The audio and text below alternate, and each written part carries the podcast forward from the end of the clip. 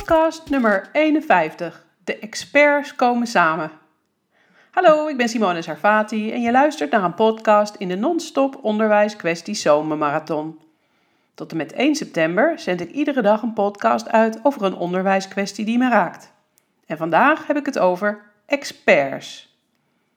Mijn heel gewaardeerde collega op afstand Danny Rozenbrand en ik sparren wat af over het onderwijs. En dat doen we al sinds 2003. Het is dat we bijna 200 kilometer bij elkaar vandaan wonen, dus we lopen de deur niet plat bij elkaar. Wat we wel regelmatig doen is skypen. Zo houden we elkaar op de hoogte van de projecten waar we mee bezig zijn. We verwonderen ons ook samen over het onderwijs.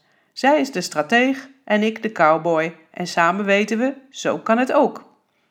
Het kan anders en daar zijn we van overtuigd. Onafhankelijk van elkaar werden we gevraagd om mee te denken over een op te zetten expertisecentrum. Zij schreef een voorbereidend gedachtenspinsel. Ik ga het eventjes voorlezen. Weet je dat ik me wel eens afvraag waarom mensen een volkstuintje hebben? Ik kan me er natuurlijk wel iets bij voorstellen. Een gezellige club mensen komt iedere zaterdagochtend samen met een bakje koffie op het tuintje. Daar werken ze samen in de tuin, overleggen over de plaats van de radijsjes dit jaar en delen kennis, want ook radijsjes mogen niet jaar na jaar op dezelfde plek staan. Het klinkt heel knus, toch is het plaatje iets groter. Soms regent het op zaterdagochtend. Het zaai- en oogstplan maken is best een ingewikkelde klus. En onkruid groeit harder dan je denkt. Je blijkt ook samen niet veel verstand te hebben van de groeitijd van gele courgettes.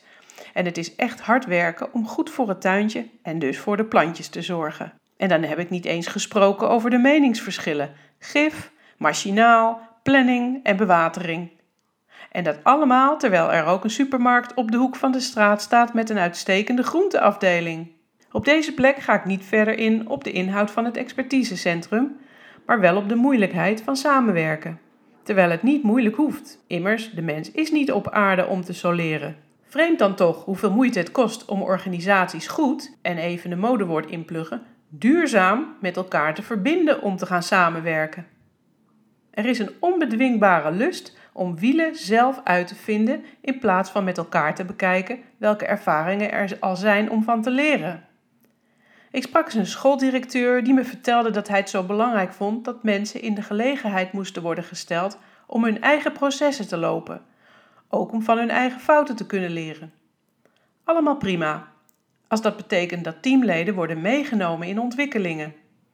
Alleen zou ik dan toch wel heel graag in de gaten willen houden of dit niet onnodige tijd kost om al bekende kansen en valkuilen te ontdekken. Zorg voor een goede studiedag om mensen met elkaar die processen te laten doormaken, maar gebruik ook ervaringen van anderen die al bekend zijn. Per slot van rekening ligt er, behalve de enorme kostenposten die met onderzoeken gemoeid zijn, ook kostbare leerlingtijd te grabbel als zulke ontdekprocessen niet kunnen gestuurd worden. Mensen vinden het prettig om ver te halen wat dichtbij aanwezig is. Geld is ook een rare factor. Het liefst willen we voor een dubbeltje op de eerste rang.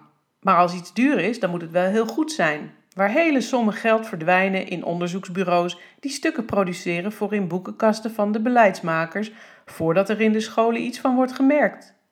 Onderzoeken om te onderzoeken lijkt het wel. Wat wil men bevestigd zien? Ik roep op tot een moment van stilte. Stop eens en kijk. Wat hebben we nodig voor de leerlingen en leraren bij ons op school?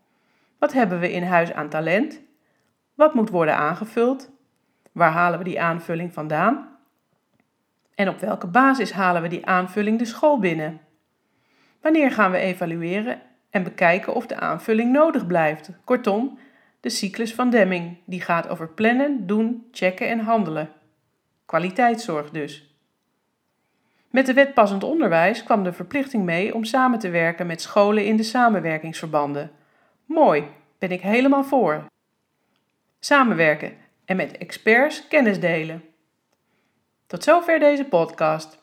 Wil je met mij werken aan de ontwikkeling van onderwijsarrangementen of kwaliteitszorg? Maak dan een afspraak via mijn website www.sarfati.nu. Wil je reageren op deze uitzending of heb je een onderwijskwestie die je met mij wil opnemen? Stuur dan een mailtje naar simone.sarfati.nu. Als je het interessant vond, deel deze podcast dan of abonneer je op de serie. Weet dat ik het waardeer en weet ook dat je meer informatie over passend onderwijs kunt vinden op mijn website www.sarfati.nu. Sarfati met PH en IE. Bedankt voor het luisteren, een zomerse groet en tot passend weerziens.